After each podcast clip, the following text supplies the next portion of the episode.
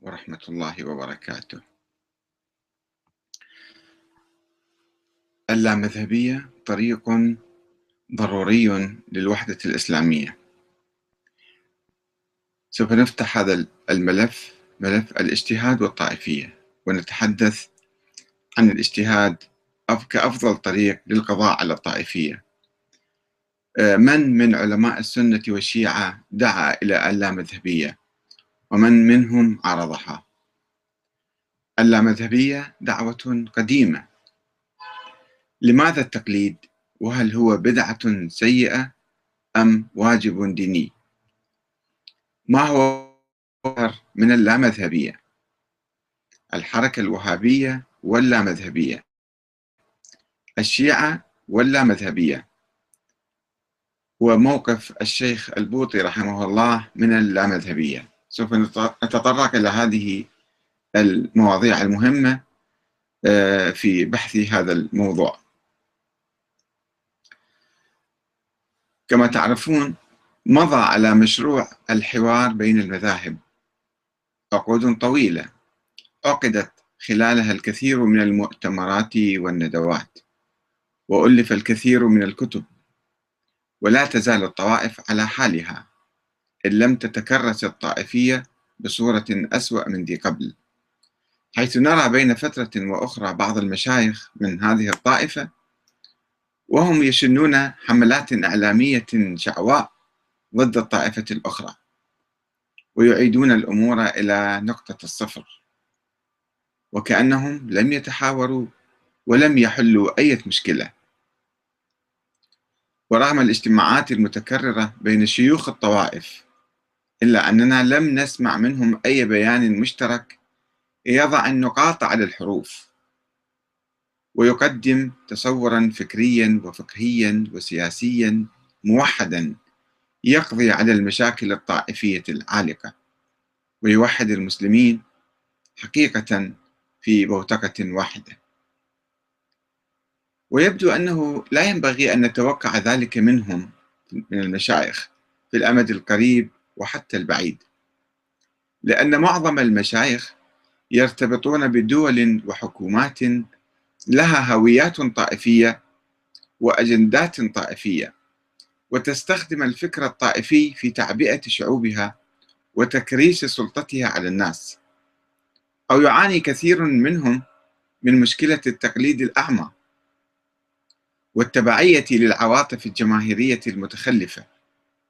وبالتالي لا نتوقع منهم النجاح في حل العقدة الطائفية في المستقبل. وفي الحقيقة أن المشايخ عجزوا عن عن حل العقدة المذهبية داخل كل طائفة ورفض بعضهم مجرد التفكير بتجاوز المذاهب أو التخلي عنها وتوحيد الطائفة الواحدة المتشرذمة بين عدد من المذاهب. فكيف يستطيع هؤلاء أن يرأبوا صدعا عمره مئات السنين. ولكن عجز المشايخ عن الحوار الجدي بين الشيعة والسنة وتوحيد المسلمين لا ينبغي أن يدفعنا إلى اليأس. وهناك حل آخر أكثر جدوى وهو يأخذ طريقه إلى الواقع فعلا وإن كان يواجه عقبات وصعوبات إلا أنه يشق طريقه بثبات. ويحقق تقدما على الأرض خاصة مع وسائل الاتصال الحديثة من إذاعات وفضائيات وإنترنت. وذلك الحل هو اللامذهبية. ذلك الحل هو اللامذهبية. وهو يعني التحرر من الطوائف ومن يقف وراءها من الحكام والأنظمة السياسية والمؤسسات الدينية المهيمنة وشيوخ الطوائف الخيار اللامذهبي هو أن يقول يقول كل واحد من المسلمين أنا مسلم فقط لا سني ولا شيعي لا حنفي ولا حنبلي ولا شافعي ولا مالكي ولا زيدي ولا إسماعيلي ولا اثنا عشري. وهو قرار شعبي فردي لا يرتبط بحكومة ولا بمرجعية دينية طائفية. وهذا الخيار يقوم على حرية الاجتهاد والنظر والتفكير في أمور الخلافات الطائفية الفكرية والسياسية والفقهية والتاريخية الموروثة بعيدا عن التعصب الأعمى والتقليد للآباء والمجتمعات والتبعية للدول الطائفية. والتسلح بالوعي العام والانفتاح الثقافي والقدرة على البحث والحوار والتمييز. هذا على المستوى الشخصي والاجتماعي. وأما على مستوى الدولة فيمكن تحقيق اللامذهبية بعدم تبني الدولة لمذهب معين وإكال عملية التشريع إلى مجلس النواب أو إلى لجنة مختلطة من الفقهاء وعدم الاقتصار على فقهاء مذهب واحد. ولا سيما في القوانين الحديثة التي تتطلب تضافر الجهود والعمل القانوني المشترك أو التلفيق بين المذاهب. وبما أن الحق يوجد في الإسلام والإسلام مشترك بين جميع الطوائف فإن الخلاف يكمن في الاجتهادات الفكرية والفقهية والسياسية الطائفية وهي اجتهادات بشرية قابلة للصواب والخطأ. ومن هنا فلا توجد طائفة تمتلك الحق المطلق أو تكون على الباطل المطلق. وإذا تركنا الناس أحرارا فإنهم سوف يقرؤون ويبحثون ويتحاورون ويتعرفون على الحق من الباطل فيقتربوا من الأقرب للصواب ويبتعدوا عن الآراء غير المعقولة أو الخرافية والأسطورية والأحكام المنافية للقرآن والعقل والعلم والتي توجد في هذا المذهب أو ذاك. وإذا كان المثقفون غير المتخصصين بمباحث الخلاف الطائفي غير قادرين على الاجتهاد الكامل المطلق في أمور العقيدة والفكر والفقه فإنهم قادرون بالطبع على ممارسة الاجتهاد النسبي في قضايا الخلاف الرئيسية التي يتفق جميع المذاهب على حرمة التقليد فيها. وإذا كانت الطائفية وجها من وجوه التعصب وثمرة للانغلاق الفكري والجهل والتخلف فإن اللامذهبية تعني البحث عن الحق أينما كان والحرية الفكرية وعدم التقليد ولئن كان معظم الناس يعيشون في مستويات دنيا من الثقافة والعلم والقدرة على البحث والتمييز بين الحق والباطل فإن الإنسان المؤمن يمكنه التعرف على الحق من خلال الاستماع إلى المتحاورين المختلفين والتفكير بموضوعية وحياد فيما يقوله الطرفان كما يصف الله تعالى المؤمنين الذين يستمعون القول فيتبعون أحسنه. وعندما تتسع ظاهرة اللامذهبيه وتصبح تيارا قويا في المجتمع فإنها سوف تحطم الحواجز الطائفية وتخفف من التعصب الأعمى في كل مجتمع طائفي وتقرب المؤمنين بعضهم إلى بعض.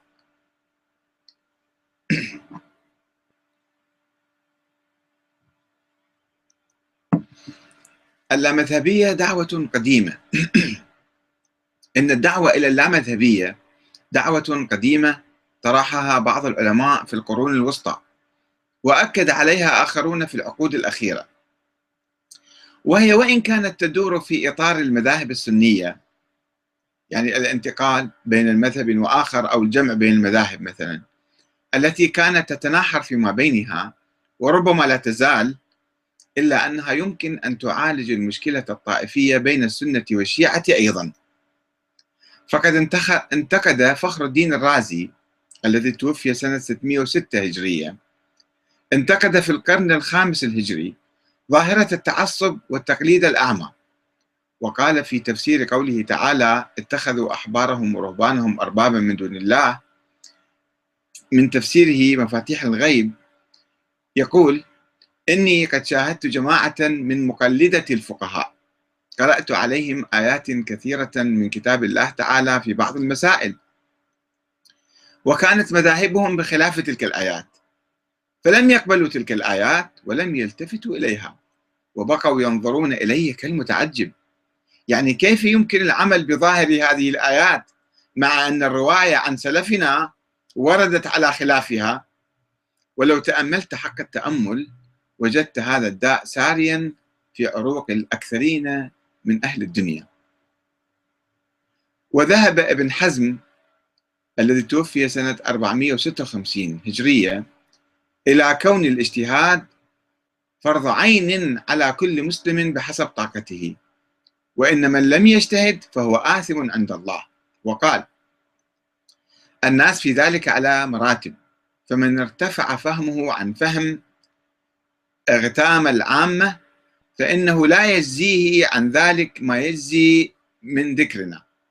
لكن يجتهد هذا على حسب ما يطيق في البحث عما نابه من نص الكتاب والسنة ودلائلهما. ومن الإجماع ودلائله. ويلزم هذا إذا سأل الفقيه فأفتاه أن يقول له من أين قلت هذا؟ يعني يجب على كل مستفتي أن يسأل الفقيه إذا أفتاه فتوى أن يقول له من أين قلت هذا؟ ما هو دليلك؟ فيتعلم من ذلك مقدار ما انتهت إليه طاقته وبلغ فهمه. وألف محمد بن إسماعيل الصنعاني الذي توفي سنة 1182 رسالة في موضوع الاجتهاد اسمها إرشاد النقاد إلى تيسير الاجتهاد. ساق فيها أدلة كثيرة على وجوب الاجتهاد وتيسيره في كل عصر. وألف جلال الدين الطوسي أو عفوا السيوطي الذي توفي سنة 911 كتابا في الرد على القائلين بغلق باب الاجتهاد. اسمه الرد على من أخلد في الأرض وجهل أن الاجتهاد في كل عصر فرض. وربما كان الشيخ عبد الحليم ابن تيمية واحدا ممن مارسوا الاجتهاد الحر في بعض فتاويه وخاصة حول مسألة الطلاق بالثلاث التي أخذ فيها برأي الشيعة وخالف فيها إجماع المذاهب الأربعة. مما أدى إلى سجنه في دمشق ومنعه من الإفتاء. وقال ولي الله الدهلوي الذي توفي سنة 1762 ميلادية منتقدا منتقدا ظاهرة التعصب الشديد للمذاهب يقول آه، ترى العامة لا سيما اليوم في كل قطر يتقيدون بمذهب من المذاهب ويرون خروج الإنسان من مذهب من مذهب من قلده ولو في مسألة كالخروج من الملة كأنه نبي بعث إليه وافترضت طاعته عليه وكان أوائل الأمة وخير القرون قبل المائة الرابعة غير متقيدين بمذهب واحد. قال أبو طالب المالكي في قرة القلوب إن الكتب والمجموعات محدثة والقول بمقالات الناس والفتيا بمذهب الواحد منهم واتخاذ قوله في كل شيء والتفقه على مذهب لم يكن الناس قديما على ذلك بل كانت العامة يتعلمون ويأخذون من العلماء أينما وجدوهم. ومن كان منهم يسمع الحديث يعمل به ولا يقلد سواه. وقال إن هؤلاء المسمين أنفسهم بالفقهاء الجامدين على التقليد يبلغهم الحديث من الحديث من أحاديث النبي صلى الله عليه وسلم بإسناد صحيح. وقد ذهب إليه جمع عظيم من الفقهاء المتقدمين وهم لا يعملون به وما يمنعهم من العمل إلا التقليد. لمن آه، يذهب إليه. آه، فهؤلاء جميعا على سخافة وسفاهة رأي وضلالة. ويعد الشوكاني المتوفي عام 1250 هجرية من أبرز الفقهاء المتأخرين الذين دعوا إلى فرض الاجتهاد وذم التقليد ونبذه. وألف رسالة في ذلك أسماها القول المفيد في أدلة الاجتهاد والتقليد. وتبعه في ذلك الشيخ محمد رشيد رضا الذي رفع في تفسير المنار لواء التحرر من التقليد للمذاهب. وأصدر أستاذ الأدب والفكر الإسلامي في جامعة عين شمس الدكتور مصطفى محمد الشكعة في عام 1960 كتابا تحت عنوان إسلام بلا مذاهب. وقدم له شيخ الجامع الأزهر يوم ذاك محمود سلتوت قائلا إنه محاولة من تلكم المحاولات الذي اطلع بها المصلحون أخيرا للم الشعث وتأليف القلوب وتوحيد الصف. وأضاف إن السبيل إلى إعادة الصف الإسلامي إلى وحدته أن لا يتخذ بعضنا بعضا أربابا من دون الله وأن نطرح وراء ظهورنا تلكم التأويلات البعيدة للنصوص الشرعية من كتاب الله والسنة الصحيحة وأن نفهمهما كما فهمها المعاصرون للتنزيل وأن نحارب احتكار فرد أو أفراد أو أفراد تعاليم الدين. فما كان الإسلام دين أسرار وأحاجي لا يعرفها إلا طائفة خاصة تطلع عليها تطلع عليها من تشاء وتمنعها عن من تشاء. وقد استعرض الشكعة في كتابه آراء مختلف الفرق الإسلامية ودعا المسلمين إلى وحدة الكلمة ولم الشمل ورأب الصدع وتضييق الشقة بين المذاهب الإسلامية المعتدلة من أهل السنة والشيعة والزيدية والإباضية والاتفاق حول الجادة الوسطى ونبذ الغلو والتطرف وتمنى على الغلاة أن يفيئوا إلى كلمة الحق وأن يعودوا إلى المصدر الأول الذي اشتقت العقيدة منه أو اشتقت العقيدة منه أركانها واستمدت الشريعة منه أحكامها بعيدا عن شطط التأويل وغموض التخريج مع مع الاستظلال براية الأخوة والتآلف والمودة والتعاطف والمحبة والإيثار. وحسب ما يقول الشيخ محمد أبو زهرة فإن القانون المصري أخذ أخذ منذ 1930 نظام الأسرة من المذاهب المختلفة فأخذ من الإمامية والمالكية والحنابلة وتحلل من التقيد بمذهب أبي حنيفة. ففي الطلاق المعلق أخذ بمذهب الشيعة الإمامية وبأن الطلاق الثلاث لا يقع إلا طلقة واحدة.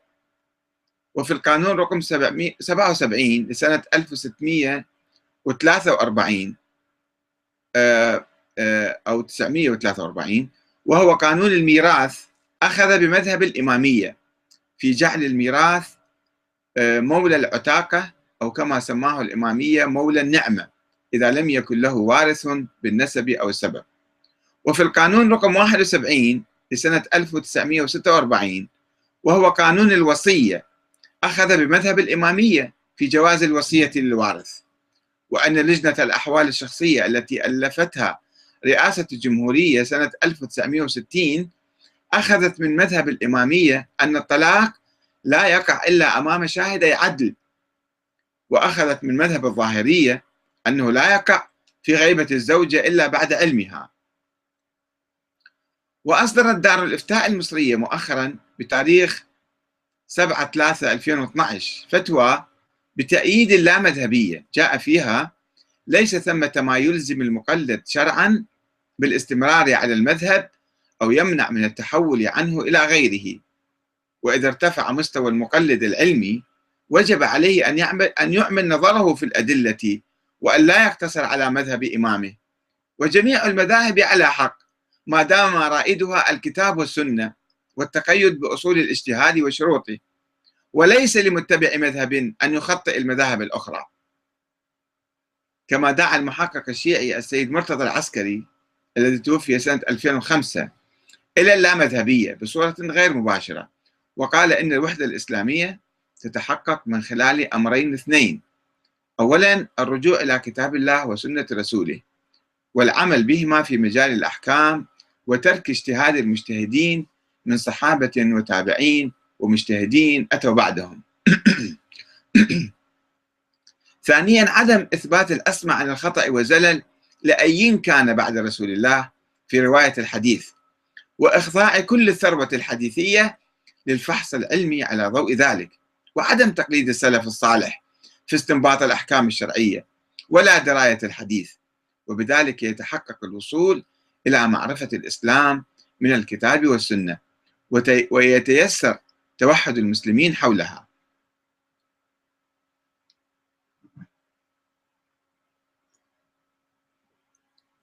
لماذا التقليد؟ قام الفقيه المصري السيد سابق بتحليل أسباب تراخي الفقهاء وميلهم للتقليد والجمود عليه فقال إن الناس بعد الفقهاء فترت همتهم وضعفت عزائمهم وقد بلغ الغلو في الثقة بولاء الأئمة حتى قال الكرخي كل آية أو حديث يخالف ما عليه أصحابنا فهو مؤول أو منسوخ. وأضاف سيد سابق بالتقليد والتعصب للمذاهب فقدت الأمة الهداية بالكتاب والسنة. وحدث القول بانسداد باب الاجتهاد. وصارت الشريعة هي أقوال الفقهاء وأقوال الفقهاء هي الشريعة. واعتبر كل من يخرج عن أقوال الفقهاء مبتدعا لا يوثق بأقواله ولا يعد بفتاويه. وكان مما ساعد على انتشار هذه الروح الرجعية ما قام به الحكام والأغنياء من إنشاء المدارس وقصر التدريس فيها على مذهب أو مذاهب معينة. فكان ذلك من أسباب الإقبال على تلك المذاهب والانصراف من الاجتهاد ومحافظة على الأرزاق التي رتبت لهم. سأل أبو زرعة شيخه البلقيني ما تقصير الشيخ تقي الدين السبكي عن الاجتهاد؟ لماذا لم يجتهد يعني؟ وقد استمل آلته. فسكت البلقيني فقال أبو زرعة أن الامتناع عن ذلك إلا للوظائف التي الفقهاء على المذاهب الأربعة وأن من خرج عن ذلك له شيء من ذلك وحرم ولاية القضاء وامتنع الناس عن إفتائه ونسب إلى فابتسم البلقيني ووافقه على ذلك. وبالعقيد وفقد الهداية بالكتاب والسنة والقول بانسداد باب الاجتهاد وقعت الأمة في شر وبلاء ودخلت في جحر الضب الذي حذر رسول الله منه. وكان من آثار ذلك أن اختلفت الأمة شيعا وأحزابا حتى أنهم اختلفوا في حكم تزوج الحنفية بالشافعي. فقال بعضهم لا يصح لأنها تشك في إيمانها. وقال آخرون يصح قياسا على الذمية. الحركات ألو... الحركة الوهابية واللامذهبية كانت الحركة الوهابية قد قامت بالدعوة إلى التحرر من المذاهب السنية الأربعة والعودة إلى السلف الأول. وكتب أحد المتأثرين بها وهو المدرس بالمسجد الحرام الشيخ البخاري محمد سلطان المعصومي الخجندي سنة 1940 رسالة تحت عنوان هل المسلم ملزم باتباع مذهب معين من المذاهب الأربعة؟ وذلك في جواب لسؤال ورده من مسلمين يابانيين. وقال فيها أما اتباع مذهب من هذه المذاهب الأربعة أو غيرها فليس بواجب ولا مندوب. وليس على المسلم أن يلتزم واحدا منها بعينه. بل من التزم واحدا منها بعينه في كل مسائله فهو متعصب مخطئ مقلد تقليدا أعمى وهو ممن فرقوا دينهم فصاروا شيعا.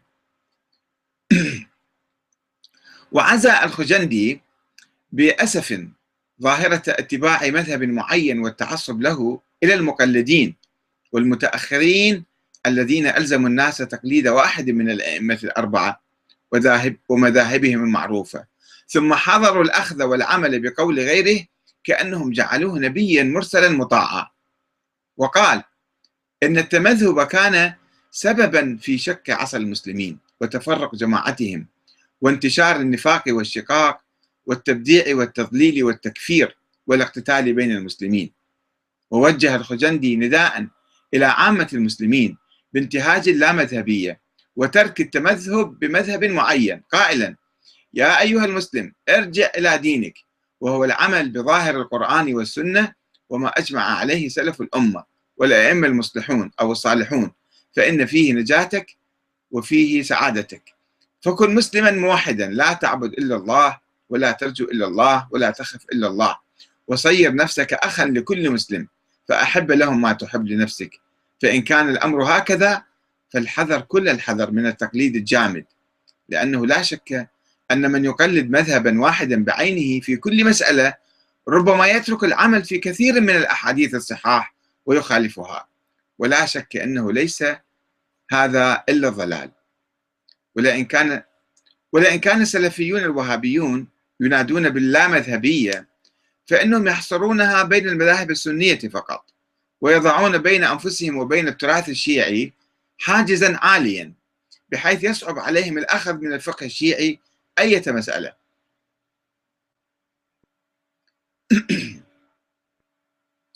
الشيعة واللامذهبية إذا كان للسنة أربعة مذاهب معروفة يريد البعض الخروج منها إلى اللامذهبية فإن للشيعة اليوم مذاهب متعددة كثيرة بكثرة المجتهدين لديهم.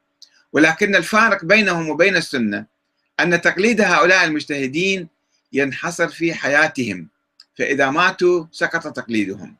ومع ذلك فإن مفهوم التقليد تطور لدى الشيعة بصورة سلبية. من مراجعة الرواة أو الفقهاء وسؤالهم عن المسائل الفقهية الحادثة إلى الالتزام بفقيه واحد مدى الحياة وعدم استفتاء أي فقيه آخر. وهذا يشبه التقليد المذموم لدى السنة. وبالتالي فإن اللامذهبية عند الشيعة تعني التحرر وكسر التقليد الدائم لفقيه واحد. ولكن تبقى اللامذهبية عند الشيعة بالنسبة للانفتاح على التراث السني أصعب منها عند السنة بالنسبة للتراث الشيعي. وذلك لأن الشيعة يعتقدون أن الحق ينحصر في طريق أهل البيت. ويشككون في تراث أهل السنة. على العكس من أهل السنة الذين قد يقبلون بالتراث الشيعي كرافد من الروافد الحديثية والفقهية المشابهة للمذاهب الأربعة الأخرى. كما آه، أفتى آه، الشيخ محمود شلتوت في آه، الخمسينات من القرن الماضي بجواز التعبد على المذهب الجعفري.